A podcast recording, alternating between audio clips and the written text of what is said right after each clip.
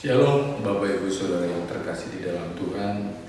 Tidak terasa waktu terus berjalan sampai kita ada di bulan yang baru kembali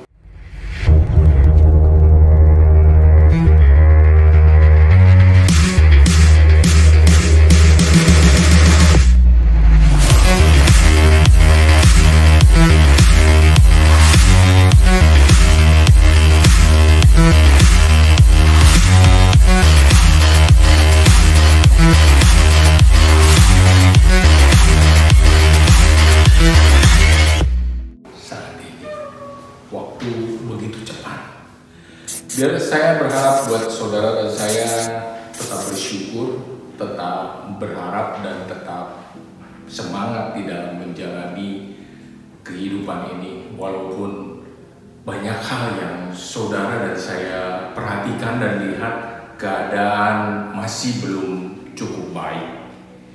Kalau kita saya memperhatikan juga banyak pengusaha yang kesulitan.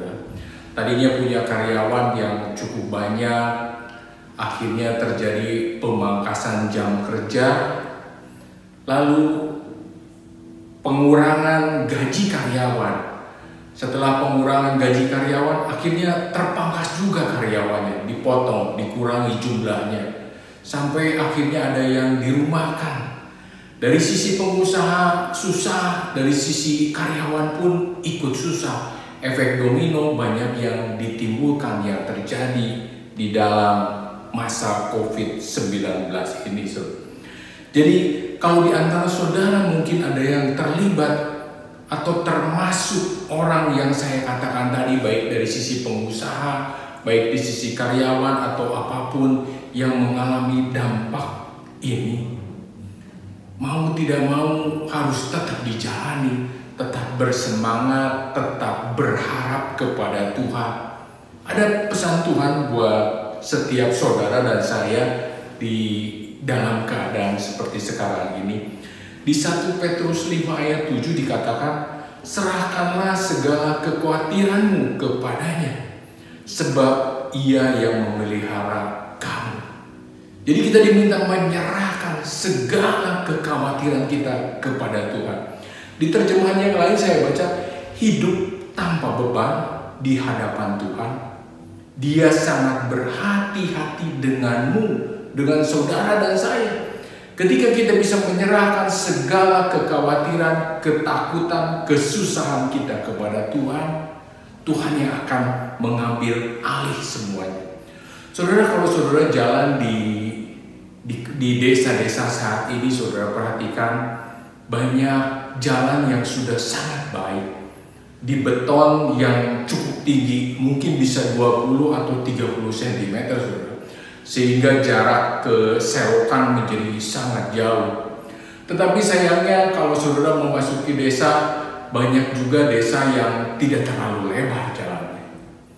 Kalau istri saya menghadapi mengendarai kendaraan dengan keadaan seperti itu, dia sangat khawatir sendiri sekali. Dia sangat takut menghadapinya. Sehingga akhirnya dia menyerahkan kendaraan tersebut kepada saya supaya saya bisa mengendalikan kendaraan tersebut. Dia takut terperosok tentunya ke pinggir jalan tersebut. Lalu ketika menghadapi jalan yang naik, dia takut mundur lagi. Ketika dia berpapasan dengan kendaraan lain, dia takutnya bersenggolan, saudara. Akhirnya dia menyerahkan kendaraan tersebut kepada saya. Saya yang mengambil alih, saya yang lebih bisa mengendalikan kendaraan tersebut saat naik, saat berpapasan, saat parkir atau apa pun. Demikian juga dengan kehidupan saudara dan saya yang tadi ketika kita menghadapi kekhawatiran, ketakutan, bisakah kita menyerahkan semuanya kepada Tuhan? Atau hanya sekedar kata menyerahkan tetapi sesungguhnya tidak menyerahkan. Seperti istri saya menyerahkan kendaraan tersebut, dia sudah tidak bisa menginjak rem lagi. Dia sudah tidak bisa mengendalikan setir kembali. Dia sudah tidak bisa menginjak gas kembali karena sudah diserahkan kepada saya. Demikian juga dengan ketakutan, kekhawatiran di dalam kehidupan ini yang saudara dan saya alami saat-saat ini.